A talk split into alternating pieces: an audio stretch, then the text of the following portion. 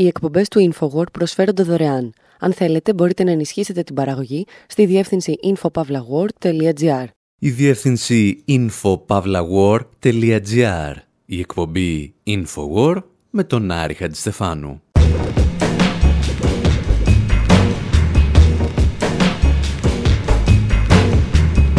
Όπου σήμερα φοράμε ένα υδρωμένο τισέρτ και από πάνω ένα σακάκι αρμάνι και εντυνόμαστε Miami Vice. Παρακολουθούμε μέσα από τον κινηματογράφο και τις αμερικανικές τηλεοπτικές σειρές το φαινόμενο της κοπαγκάντα, της προπαγάνδας των αστυνομικών ή των μπάτσων, σε πιο ακριβή μετάφραση.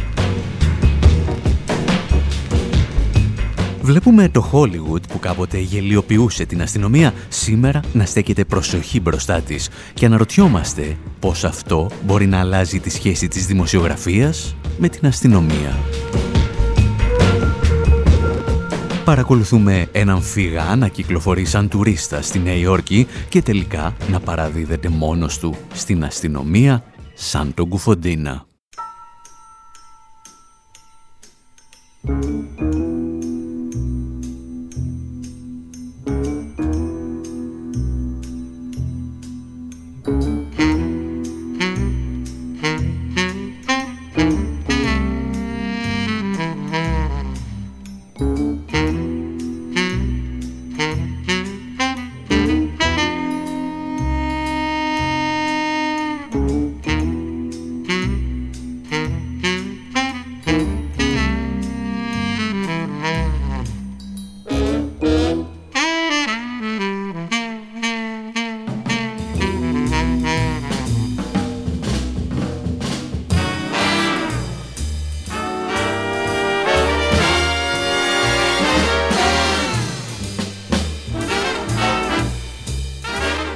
Συνθέτης Χένρι Μαντσίνη παρουσιάζει εν έτη 1963 το μουσικό θέμα των ταινιών του Ροσπάνθυρα με τις ιστορίες ενός ηλίθιου αστυνομικού, του επιθεωρητή Κλουζό. Του ανθρώπου, ο οποίος στην ερώτηση του διοικητή του πώς μπορεί ένας ηλίθιος να γίνει αστυνομικός, απαντούσε «Είναι πολύ απλό. Το μόνο που έχει να κάνει είναι να καταταγεί στην αστυνομία». How can an idiot be a policeman? Answer me that! It's very simple. All he has to do is enlist. Το πρόβλημα του διοικητή του Κλουζό ήταν ότι ένας διαπιστωμένος ηλίθιος λάμβανε συνεχώς εύσημα για επιτυχίες στη διαλεύκανση εγκλημάτων. Αυτά όμως είναι ιστορίες βγαλμένες από τη ζωή. Και είχαμε την τύχη και τη χαρά να ζήσουμε από πρώτο χέρι μια τέτοια ιστορία στα μέσα Απριλίου του 2022 στη Νέα Υόρκη. Εκείνη την ημέρα που ξυπνήσαμε και όλα τα μέσα ενημέρωσης έπαιζαν την παρακάτω είδηση a mass shooting at a Brooklyn subway station. That's right, at least 10 people were shot. Five of them are in critical but stable condition. 10 other people were injured. Ένας 62χρονος επιβάτης με ψυχολογικά προβλήματα, αφού γέμισε με καπνό ένα βαγόνι του μετρό που κινούνταν στην περιοχή του Μπρούκλιν, άρχισε να πυροβολεί τους επιβάτες, τραυματίζοντας 10 άτομα. Και κάπου εκεί ανέλαβε την υπόθεση ο επιθεωρητής Κλούζο. Στη συγκεκριμένη περίπτωση, η αστυνομική διεύθυνση Νέας Υόρκης, η θρηλυκή NYPD. Οι Αμερικανικές αρχές δεν είχαν εικόνα για το τι πραγματικά συνέβη γιατί καμία από τις κάμερες ασφαλείας στο σταθμό, αξίας δεκάδων χιλιάδων δολαρίων, δεν λειτουργούσε. Οι μόνες εικόνες προέρχονταν από τα κινητά τηλέφωνα επιβατών. Ο δράστης διέφυγε λοιπόν σαν κύριος και για τις επόμενες 30 ώρες κυκλοφορούσε στα πιο πολυσύχναστα σημεία του Μανχάταν. Για να μην περπατάει μάλιστα έπαιρνε το μετρό, όπου τον έψαχνε η αστυνομία. Έτρωγε σε εστιατόρια, έκλεισε δωμάτιο σε ξενοδοχείο με το όνομά του και πέρασε από αρκετά σημεία όπου χτυπάει η καρδιά της Αμερικανικής Μεγαλούπολης. Επειδή βρισκόμασταν στη Νέα Υόρκη, μπορούμε να σας διαβεβαιώσουμε ότι τα βαγόνια του μετρό και τα λεωφορεία ήταν γεμάτα αστυνομικούς, οι οποίοι είχαν φωτογραφίες του υπόπτου.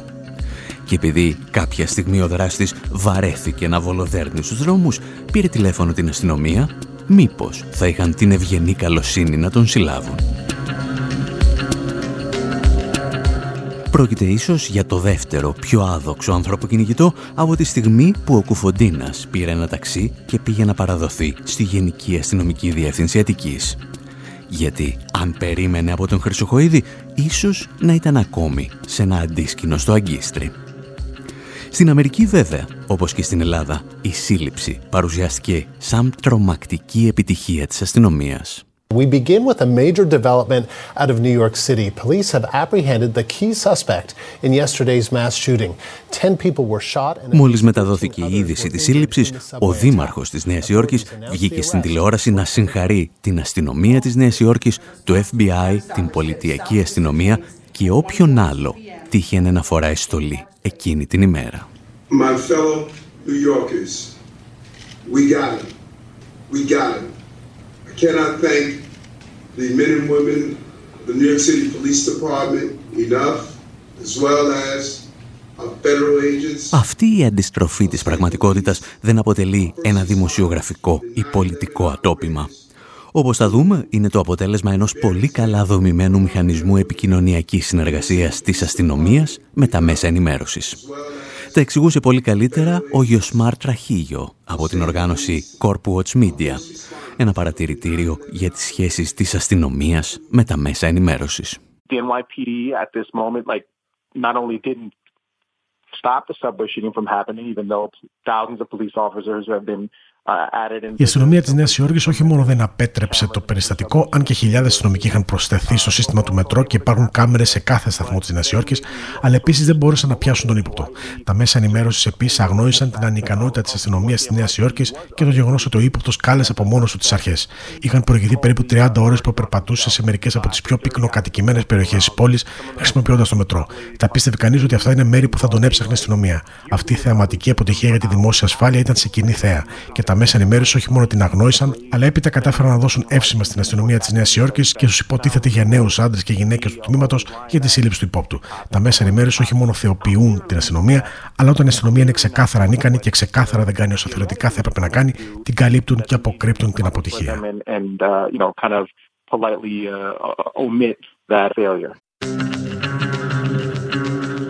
Ο γιος Μαρτραχίγιο υποστηρίζει ότι η επικοινωνιακή επιτυχία της αστυνομίας της Νέας Υόρκης στηρίζεται στη λεγόμενη κοπαγκάντα, σε ακριβή μετάφραση την προπαγάνδα των μπάτσων. And people should understand the term propaganda, which I know is being used now more readily. It's not just an example of ο κόσμος πρέπει να καταλάβει τον όρο κοπαγκάντα που πλέον χρησιμοποιείται ευρύτατα. Κοπαγκάντα δεν είναι απλά όταν η αστυνομία παρουσιάζεται υπερβολικά σε ένα ρεπορτάζ ή όταν χρησιμοποιείται ως η μοναδική πηγή. Ο πυρήνα τη κοπαγκάντα είναι η συμβιωτική σχέση μεταξύ των μέσων ενημέρωσης και της αστυνομίας. Η αστυνομία βασίζεται στα μέσα και τα μέσα βασίζονται στην αστυνομία. Για παράδειγμα, οι ρεπόρτερ εξαρτώνται από τους αστυνομικούς για να έχουν πρόσβαση στι σκηνές εγκλήματος και να λάβουν πληροφορίες γιατί η αστυνομία διαθέτει πολλές πληροφορίες πριν αυτές γίνουν γνωστές. Η αστυνομία χρησιμοποιεί τα μέσα μαζικής ενημέρωσης πρώτιστα για να τροφοδοτήσει τον φόβο όταν το χρειάζεται. Γιατί ο φόβος είναι ένα κέριο στοιχείο για την επιβολή της αστυνομικής εξουσίας. Η αστυνομία το χρειάζεται αυτό γιατί έτσι μπορεί να διεκδικεί περισσότερα χρήματα. Αυτό ακριβώς έγινε μόλις χθες όταν ο Δήμαρχος πρότεινε αύξηση της χρηματοδότησης για την αστυνομία της Νέας Υόρκης.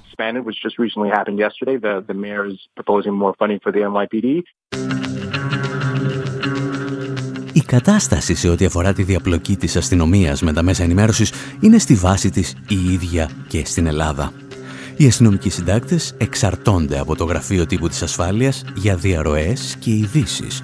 Γεγονός που δίνει στην αστυνομία την ικανότητα να καθορίζει τη ροή πληροφοριών προς τα μέσα ενημέρωσης. Στις Ηνωμένε Πολιτείες όμως αυτές οι σχέσεις στηρίζονται επάνω σε μια βιομηχανία αστυνόμευσης δεκάδων δισεκατομμυρίων δολαρίων.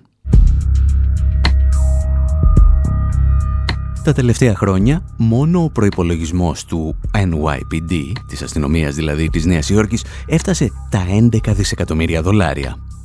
Για να έχετε μια εικόνα τι σημαίνει αυτό, να θυμηθούμε ότι ο προϋπολογισμός των ελληνικών ενόπλων δυνάμεων μαζί με τις μισθοδοσίες, τη συντήρηση εγκαταστάσεων και τους εξοπλισμούς κυμαίνεται από 6 έως 8 δισεκατομμύρια.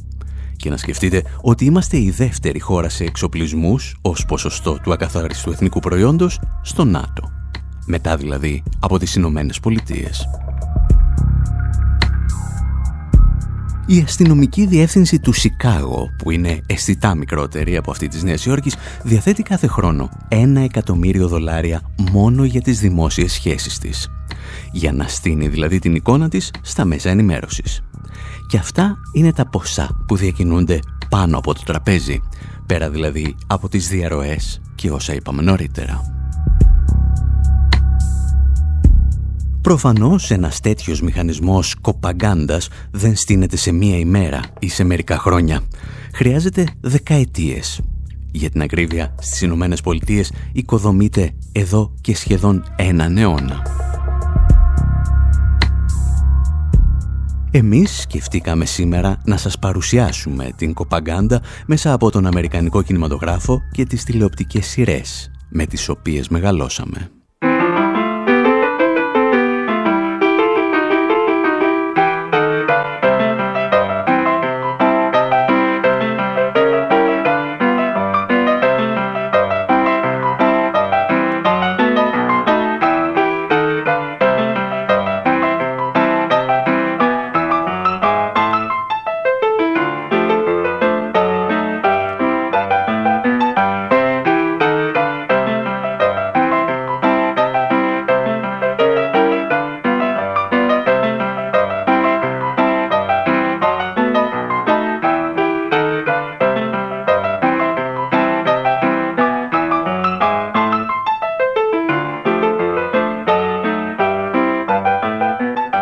Στα χρόνια του βοβού κινηματογράφου η απεικόνηση της δράσης της αστυνομίας από το Hollywood δεν είχε καμία σχέση με ό,τι γνωρίζουμε σήμερα. Οι αστυνομικές δυνάμεις είχαν μόλις αρχίσει να λαμβάνουν τα χαρακτηριστικά ενός συγκροτημένου σώματος κρατικών υπαλλήλων. Γιατί πιο πριν ήταν απλώς η ιδιωτική μπράβη των μεγάλων επιχειρηματιών. Η βασική διαφορά δηλαδή με σήμερα ήταν ότι τότε ήταν υπάλληλοι ιδιωτικού δικαίου. Early silent comedies often portrayed the police as incompetent. The first big film star, Charlie Chaplin, loved to make fun of the police. He is perhaps most famous for his tramp character, a poor, childish Οι πρώτες κομμωδίες του βουβού κινηματογράφου απεικόνιζαν την αστυνομία ως ανίκανη. Ο πρώτος μεγάλος κινηματογραφικός αστέρας, ο Τσάρλι Τσάπλιν, λάτρευε να κοροϊδεύει την αστυνομία. Είναι ίσως πιο διάσημος για τον χαρακτήρα του άστεγου, ενός φτωχού, πεδαριώδους φαρσέρ. Συχνά ο άστεγος ξεγελούσε την αστυνομία μέχρι που τον στρίμωχναν στη γωνία, οδηγώντας σε σκηνές με άγρο κυνηγητό και κλωτσία στον πισινό. Οι άλλοι δημιουργοί της βοβής εποχής ήταν ακόμα πιο εχμηροί στην κριτική τους προς την αστυνομία. Η ταινία του Μπάστερ Κίτον Κατάδικο 13 ήταν μια ιστορία για έναν άνδρα που τον περνούν για δραπέτη και ως αποτέλεσμα τον βάζουν στη φυλακή. Δύο χρόνια αργότερα στην ταινία Μπάτσι, ο χαρακτήρας του Κίτον εκτελείται από την αστυνομία για ένα έγκλημα που δεν έκανε. Keaton's character is executed by the police for a crime he didn't commit. Το ρεπορτάζ που ακούσατε είναι από το κανάλι του YouTube Skip Intro. Και μιλώντας για τον Τσάρλι Τσάπλιν φαίνεται να παραλείπει ίσως την πιο περίεργη ιστορία του τη σκηνή από την ταινία Easy Street, όπου απορακένδυτος άστεγος, ο Τσάρλ Τσάπλιν γίνεται αστυνομικός. Καταφέρνει όμως να ολοκληρώσει την αποστολή του μόνο όταν κάθεται κατά λάθος πάνω στη σύριγγα ενός ηρωινομανή. Έκτοτε οι οικογενειακές ταινίες έχουν αλλάξει ελαφρώς.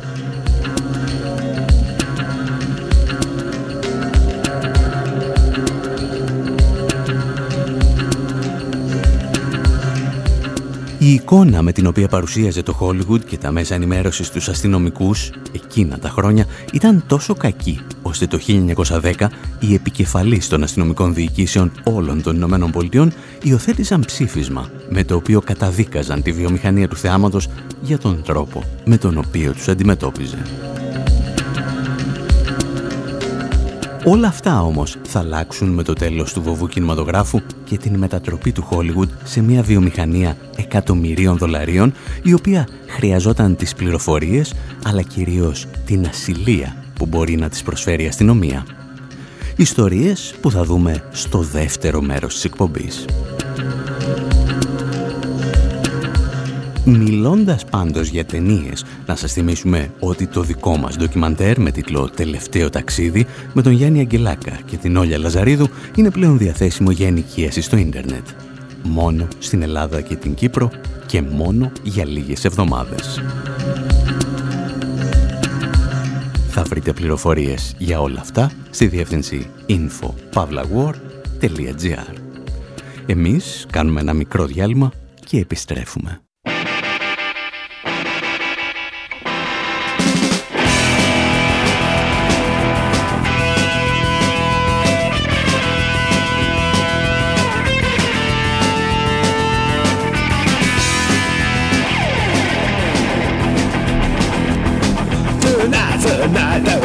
Truck.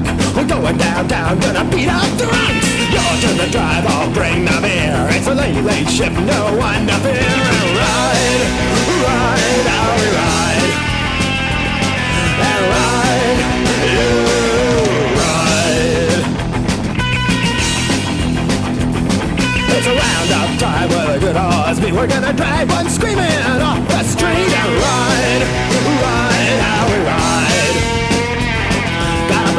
uniform and a silver badge. Play cops for real and play cops for pay. Let's ride,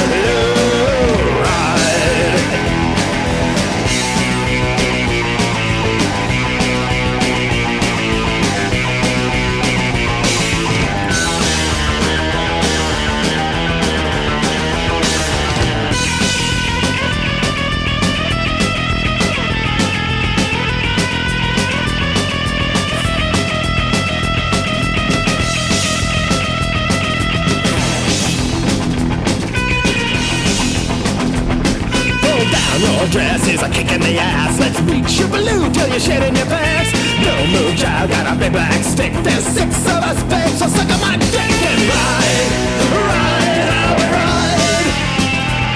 Let's ride, you ride. The left newspapers who I'm a bit, but the guys at the station they don't give a shit. Dispatch calls, oh you're doing something wicked. No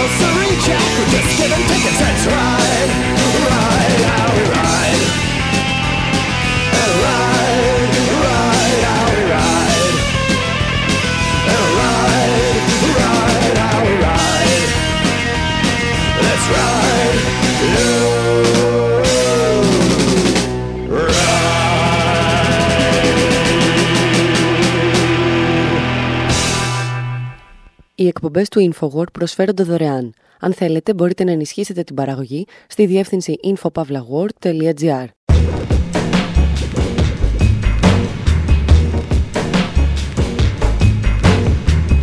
Εκπομπή InfoWord, μέρος δεύτερο όπου αφού παρακολουθήσαμε την αστυνομία της Νέας Υόρκης να μετατρέπει ένα φιάσκο σε επικοινωνιακό θρίαμβο, ρίχνουμε μια ματιά στους μηχανισμούς της λεγόμενης κοπαγκάντα, της προπαγάνδας των αστυνομικών. Έχουμε μείνει στα νηπιακά χρόνια του Χόλιγουντ, όπου οι αστυνομικοί είχαν το ρόλο του ανίκανου κακού και ετοιμαζόμαστε να γνωρίσουμε τη στιγμή που όλα αυτά θα αλλάξουν.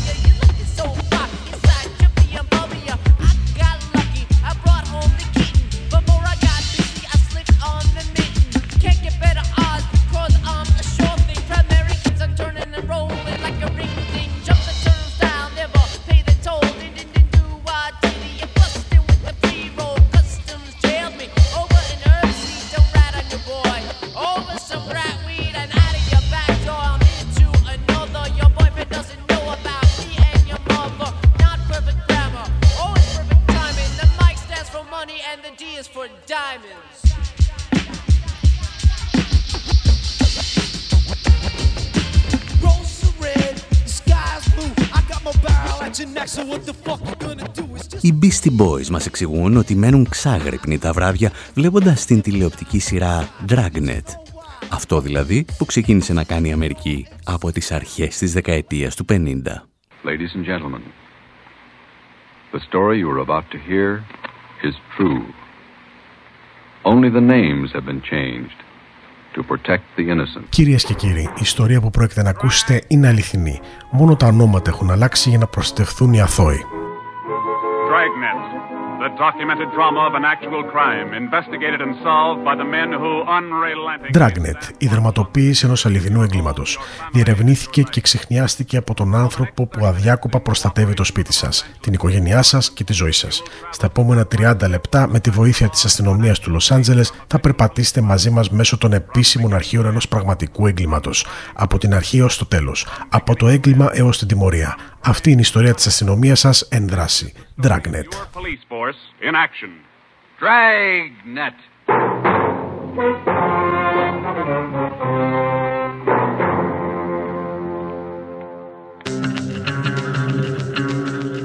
Το Dragnet θα ξεκινήσει σαν ραδιοφωνική εκπομπή που δραματοποιούσε αληθινές αστυνομικές ιστορίες.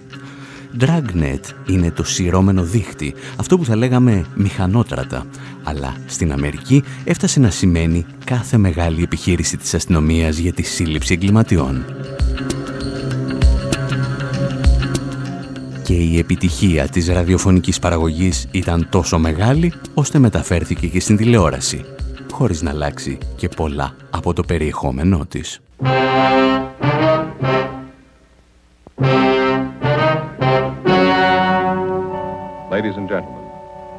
Story you are about to see is true. The names have been changed to protect the innocent. Το πρόβλημα ή αν προτιμάτε η καινοτομία με τη συγκεκριμένη ραδιοφωνική και τηλεοπτική παραγωγή ήταν ότι το σενάριο δεν έφτανε στα στούντιο εάν δεν περνούσε από τα κεντρικά της ασφάλειας για έγκριση. Τα εξηγούσαν και πάλι οι δημιουργοί της μίνι σειράς ντοκιμαντέρ στο YouTube Skip Intro. Dragnet started off as a radio program from creator and star Jack Webb and quickly became massively successful on TV. Ranking number 4. Το Dragnet ξεκίνησε ως ραδιοφωνικό πρόγραμμα από τον παραγωγό και πρωταγωνιστή της σειράς Jack Webb. Γρήγορα έγινε εξαιρετικά πετυχημένο στην τηλεόραση, φτάνοντας ακόμα και στη δεύτερη θέση της τηλεθέασης από το 1952 έως το 1954. Το εμπορικό του πλεονέκτημα ήταν η αυθεντικότητα. Η φράση κυρίες και κύριοι, η ιστορία που πρόκειται να δείτε είναι αληθινή, ήταν η πραγματικότητα. Ξέρετε γιατί μπορούσε να κάνει αυτόν τον ισχυρισμό; Γιατί κάθε σενάριο περνούσε από τον έλεγχο της αστυνομίας του Λος Άντζελες, που έβαζε σφραγίδα έγκρισης. Βεβαίως, αυτό έδινε επίση στην αστυνομία του Λος Άντζελες τη δύναμη να λογοκρίνει. Όπως έγραψε η Ελίσσα Ρόζεμπεργκ της Washington Post το 2016, αν η αστυνομία διαφωνούσε με κάτι, όπως την απεικόνηση μιας γυναίκας να πεθαίνει από παράνομη έκτρωση, μπορούσε να αποσύρει ολόκληρο το επεισόδιο. Σε αντάλλαγμα, ο δημιουργός της σειράς δεν έπαιρνε μόνο ιδέες για τις ιστορίες του, αλλά και πολύτιμη οικονομική βοήθεια από την αστυνομία. While cop shows weren't being directly commissioned by police departments, they were essentially being subsidized. Αν και οι αστυνομικές σειρές δεν γίνονταν άμεσα κατά περιγγελία της αστυνομίας, ουσιαστικά επιδοτούνταν με ένα λιγότερο προφανές δούνε και λαβίν.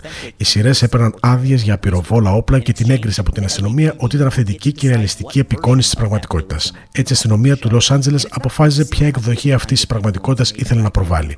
Δεν είναι δύσκολο να δει κανείς πως αυτού του είδους η επιρροή έκανε τον Dragnet μια σειρά που προωθούσε μια πολύ συγκεκριμένη εικόνα της αστυνομίας. Προφανώς πιο βρώμικες λεπτομέρειες, όπως η ρατσιστική πολιτική της αστυνομίας του Λος Άντζελες, δεν εμφανίστηκαν ποτέ στην οθόνη.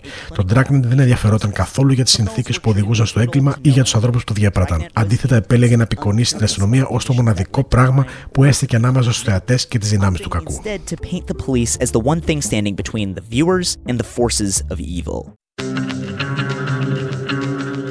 Με το Dragnet ξεκινά μια νέα εποχή για τις σχέσεις των μέσων ενημέρωσης και της βιομηχανίας του θεάματος με την αστυνομία. Οι αστυνομικοί είναι πλέον αξιωματικά καλοί, έστω και με μικρές παρασπονδίες. Οι διοκόμενοι είναι αξιωματικά κακοί, χωρίς εξαιρέσεις, και για να επιβληθούν οι πρώτοι στους δεύτερους μπορούν να κάνουν ό,τι θέλουν, χωρίς να σκέφτονται κανένα νόμο και κανέναν κανόνα. Και κάπως έτσι, δύο δεκαετίες μετά τον Dragnet, φτάνουμε σε μία από τις πιο εμβληματικές και σκοτεινές στιγμές των αστυνομικών τηλεοπτικών σειρών. Τον επιθεωρητή Κάλαχαν με τον Clint Eastwood, για τον οποίο θα αφήσουμε να μας πούν μερικές κουβέντες οι γκορίλας.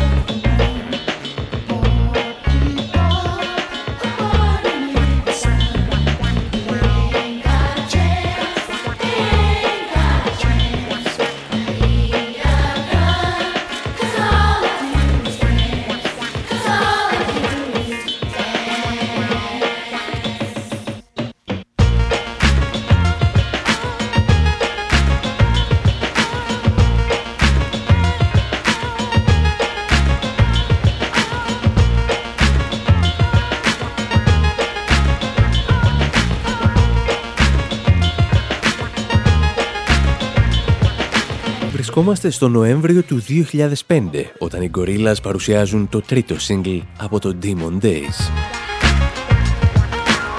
Και εμείς θα μπορούσαμε να μιλάμε για ώρες για τα πολιτικά μηνύματα του συγκεκριμένου τραγουδιού. Για αναφορές στο Full Metal Jacket του Kubrick, στο διάγγελμα του George Bush, αλλά και στον τερματισμό του πολέμου στο Ιράκ.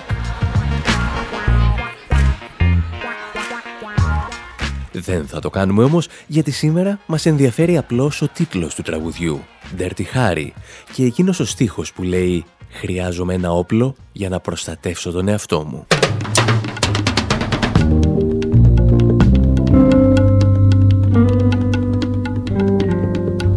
Ο Dirty Harry θα γεννηθεί το 1971 σαν ήρωας της τηλεοπτικής σειράς που σκηνοθετεί ο Don Siegel. Και η ιστορία του είναι ελαφρώς αληθινή ή τουλάχιστον πατάει σε μερικά αληθινά γεγονότα. Ο Ντέρτι Χάρη, επιθεωρητής στο αστυνομικό τμήμα του Σαν Φρανσίσκο, αναζητά έναν δολοφόνο κατά συρροή, τον Σκόρπιο, η περσόνα του οποίου στηρίζεται σε έναν αληθινό δολοφόνο που έμεινε γνωστός με το ψευδόνυμο Zodiac Killer. Για άλλη μια φορά όμως δεν μας ενδιαφέρουν οι περιπέτειες του Clint Eastwood, αλλά το πολιτικό, οικονομικό και κοινωνικό περιβάλλον στο οποίο διαδραματίζονται. Και αυτό ακριβώς το μονοπάτι αποφάσισε να ακολουθήσει και ο Patrick McGilgan στη νέα βιογραφία του Clint Eastwood. Και φυσικά, για όποιον αποφασίσει να ασχοληθεί με τον Dirty Harry, όλα ξεκινούν και τελειώνουν με μια συγκεκριμένη σκηνή. Ο Clint Eastwood τρώει αμέριμνος σε ένα hot dog όταν στο απέναντι πεζοδρόμιο πραγματοποιείται μια ληστεία. Βγαίνει με το εξάσφαιρο Magnum και αρχίζει να πυροβολεί ανάμεσα σε περαστικούς. Πυροβολεί τους δράστες που τυχαίνει να είναι και πάλι όλοι μαύροι. Αφού σκοτώσει τους τρεις, πλησιάζει τον τέταρτο που κοίταται αιμόφυρτο σε μια γωνία και του ψιθυρίσει δύο αμερικανικά φωνήεντα.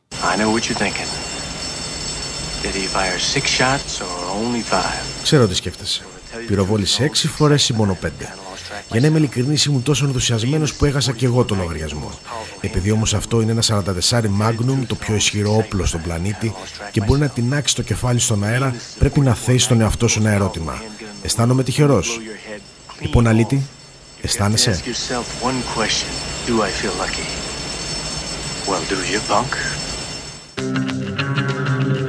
Η στοιχομηθεία τελειώνει με την εικονική εκτέλεση του ληστή, πρακτική που παρεπιπτόντως χρησιμοποιούνταν και από τους Ναζί στο Δεύτερο Παγκόσμιο Πόλεμο. Η σκηνή όμως του Feeling Lucky Punk είναι κάτι περισσότερο από μια καουμπόικη ιστορία γυρισμένη στις Ηνωμένες Πολιτείες της δεκαετίας του 70. Είναι η σύγκρουση της φιλελεύθερης Αμερικής με την αντιδραστική Αμερική. Όταν κυκλοφορεί το σύριαλ, η Αμερική δίνει ακόμη τη μάχη για την επιβολή της περίφημης προειδοποίησης Μιράντα. Οι αστυνομικοί από το 1966 και μετά πρέπει να διαβάζουν στους προσαχθέντες τα δικαιώματά τους. Τα δικαιώματα Μιράντα συμπεριλαμβάνονται στις κατακτήσεις της δεκαετίας του 60 ενάντια στην αστυνομική βαναυσότητα. Στις αρχές της δεκαετίας του 70 όμως η αντίδραση κάνει και πάλι την εμφάνισή της. Και ο Ντέρτι εκπροσωπεί το όραμα του αστυνομικού πιστολέρο, ο οποίος επιβάλλει την τάξη αδιαφορώντας για το Σύνταγμα και τους νόμους.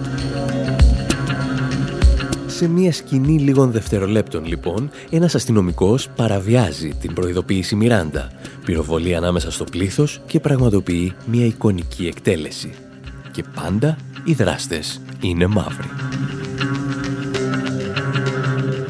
Μερικά χρόνια αργότερα ρώτησαν τον Clint Eastwood αν θεωρεί τον εαυτό του ρατσιστή για αυτή τη σκηνή και ο ίδιος απάντησε ως εξής. Ορισμένοι διαμαρτύρονται και με λένε ρατσιστή γιατί στην αρχή του σύριαλ πυροβολώ μαύρους ληστές τραπεζών. Κανένας δεν σχολίασε τότε ότι με αυτόν τον τρόπο έδωσα δουλειά σε τέσσερις μαύρους κομπάρσους. Απόδειξη ότι το ρατσισμό και τη βλακεία δεν μπορείς πάντα να τους νικήσεις με επιχειρήματα και ίσως βρεθείς στη δυσάρεστη θέση να πρέπει να τους τσακίσεις.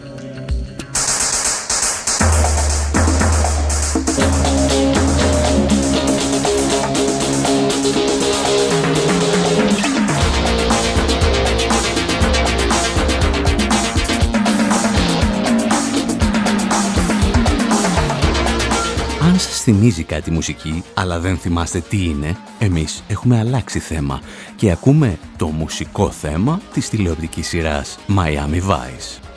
Και για να σας βοηθήσουμε, η αλληλουχία των πλάνων δείχνει κάτι φλαμίγκο, κύματα, έναν σέρφερ, ένα σουτιέν γεμάτο, υποδρομίες, κάτι Rolls Royce, μια παραλία άδεια, δύο παπαγάλους, κοινοδρομίες και ούτω καθεξής. Εάν ο Ντέρτι Χάρη σηματοδότησε την επιστροφή της συντηρητικής Αμερικής του Νίξον, ο Ντόν Τζόνσον με τα κοντομάνικα και τα σακάκια Αρμάνι φέρνει την αστυνομία στα χρόνια του νεοφιλελεύθερου Ρόναλτ Ρίγκαν και των Γιάπης. Σκηνοθετικά ήταν μια πρωτοποριακή παραγωγή. Από πλευράς περιεχομένου όμως, απλώς αναπαρήγαγε τα στερεότυπα της αμερικανικής κοπαγκάντα, με λίγο περισσότερο γκλάμουρ και η συνέχεια στην τηλεοπτική παρουσία της αστυνομίας και γενικότερα των διοκτικών αρχών στη μικρή και τη μεγάλη οθόνη είναι λίγο πολύ γνωστή.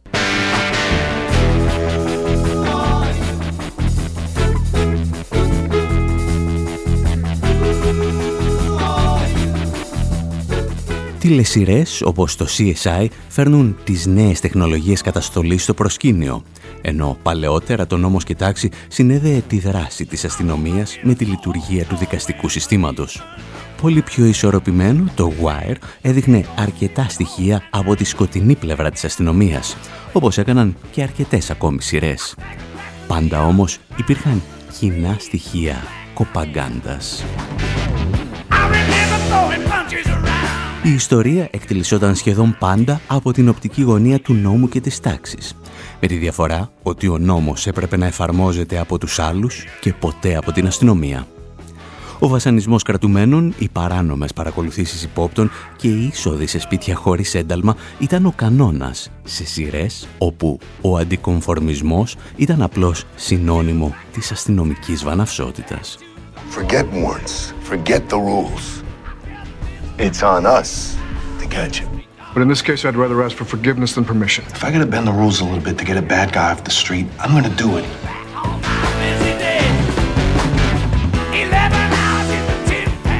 Καλός μπάτσος σε αυτές τις τηλεοπτικές σειρές είναι αυτός που παραβιάζει κάθε κανόνα μιας ευνομούμενης κοινωνίας για να επιτύχει το στόχο του. Τα έλεγε και ο Τρέβορ Νόα στο Daily Show. That's what cop shows are really good at doing. They make us believe that the only way the police can truly be effective is if they break the rules that society created αν καταφέρουν κάτι οι αστυνομικές σειρές, είναι να μας κάνουν να πιστεύουμε ότι ο μόνος τρόπος που η αστυνομία μπορεί να είναι αποτελεσματική είναι με το να παραβιάζει τους κανόνες που η κοινωνία δημιούργησε για να μας προστατεύσει από την αστυνομία. Παρεπιπτόντω, όταν λέμε ότι οι μπάτσει στις τηλεοπτικές σειρές παραβιάζουν τους κανόνες, δεν εννοούμε ότι συμπληρώνουν μια λάθος φόρμαστη γραφειοκρατία. Συνήθως το κάνουν σπάζοντας το ξύλο έναν ύποπτο by beating the shit out of a suspect. Και έχουν όλα αυτά κάποιο αντίκτυπο στην αντίληψη που σχηματίζει η κοινή γνώμη για τη δράση της αστυνομίας, θα αναρωτηθεί κάποιος. Το CNN πριν από μερικά χρόνια υποστήριξε ότι έχουν και παραέχουν.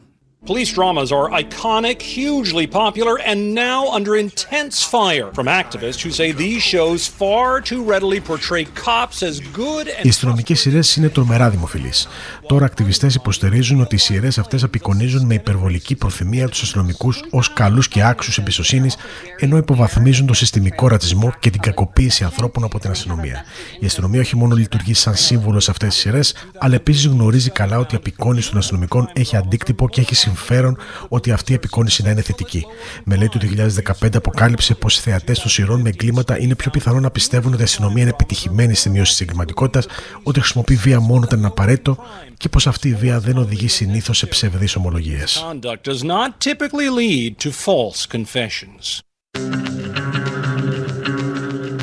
Εμείς πάλι, κάπου εδώ, με ιστορίες κοπαγκάντας, λέμε να σας αφήσουμε και για αυτή την εβδομάδα. Να θυμάστε ότι το δικό μας ντοκιμαντέρ, το τελευταίο ταξίδι, είναι διαθέσιμο στο ίντερνετ. Στη μεγάλη οθόνη μπορείτε να το δείτε από τις 21 Μαΐου στα Ιωάννινα, στο Θέατρο Ακτίνα. Πληροφορίες όμως για όλα αυτά στη σελίδα μας info.pavlawar.gr Από τον Άρχα Στεφάνου στο μικρόφωνο, τον Ανδρέα Κοσιάρη στις μεταφράσεις και τον Δημήτρη Σταθόπουλο στην τεχνική επιμέλεια, γεια σας και χαρά σας. Right about now, NWA court is in full effect. Judge Dre residing. In the case of NWA versus the police department, prosecuting attorneys are MC Ren, Ice Cube, and Easy Motherfucking E. Order, order, order.